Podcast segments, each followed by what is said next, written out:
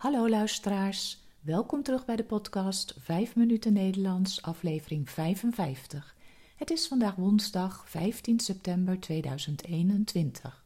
De tekst van deze podcast kun je vinden op petje.af slash 5 minuten Nederlands. Als je de teksten van eerdere podcasts wilt ontvangen of vragen hebt, stuur dan een e-mail naar 5minutennl.gmail.com. Mijn naam is Carolien, ik ben taaldocent op de universiteit en woon in Leiden. In deze podcast vertel ik iets over mijn leven, over wat ik de afgelopen dagen heb beleefd of iets over de Nederlandse taal en cultuur. Aflevering 55 Dialecten in Nederland. Een paar weken geleden kreeg ik een leuke e-mail van een van de luisteraars uit Duitsland. Zij is geïnteresseerd in de Nederlandse taal omdat ze vroeger altijd met haar familie op vakantie naar Zeeland ging en daar leerde ze voor het eerst een paar woorden Nederlands. Ze vroeg mij of ik officieel Nederlands sprak omdat ik taaldocent ben. En ook vroeg ze of de naam van dit officiële Nederlands ABN is, Algemeen Beschaafd Nederlands. Dit was inderdaad tot de jaren zeventig de gebruikelijke naam voor standaard Nederlands. Maar eigenlijk is het een vreemde benaming, alsof iemand die een dialect spreekt niet beschaafd zou zijn. Tegenwoordig spreken we dan ook van standaard Nederlands. En dat schrijf je als één woord met een hoofdletter. Of AN, Algemeen Nederlands. Ik vind dat prinses Beatrix, de moeder van koning Willem-Alexander, heel mooi algemeen Nederlands spreekt. Nederland kent meerdere officiële talen. In Nederland zelf natuurlijk het Nederlands, maar ook het Fries. Friesland is een van de drie noordelijke provincies. Hier hebben de burgers het recht om Nederlands of Fries te gebruiken, bijvoorbeeld in de rechtszaal of in het contact met de gemeente.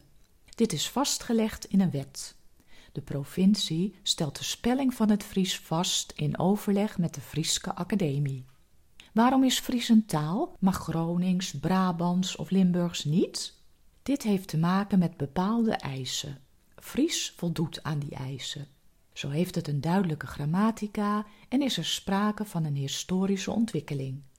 De taal verschilt ook genoeg van andere talen en de sprekers ervan willen hun taal graag spreken en aan hun kinderen doorgeven. Sinds 1980 is het Fries dan ook een verplicht vak voor alle leerlingen van het basisonderwijs in de provincie Friesland. Een goede vriendin van mij woont in Friesland. Zij is verpleegkundige en kan heel goed Fries spreken. Dat moet ook wel als je daar in een ziekenhuis werkt. Als ze bij mij is, spreekt ze gewoon Nederlands, maar wel een beetje met een Fries accent. Ik vind dat heel leuk om te horen. Als ik bij haar ben en ze spreekt Fries met haar man of kinderen, dan versta ik er bijna niets van. Het is echt een andere taal. Maar ook sommige dialecten zijn moeilijk te verstaan, zoals Gronings of Limburgs. Dan moet ik heel goed opletten om alles te kunnen volgen. Andere dialecten, zoals het Amsterdams of Haags, zijn makkelijker te verstaan, omdat ze dichter tegen algemeen Nederlands aan liggen. Ik kan me voorstellen dat het voor jullie helemaal moeilijk te volgen is als iemand dialect spreekt. Het is al knap als je een beetje kunt herkennen uit welke regio het dialect komt. Zo slikken ze in Groningen de e op het einde van werkwoorden in. Moeten we dat kopen?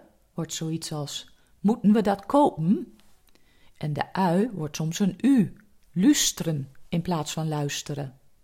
En ook soms een oe, toes in plaats van thuis.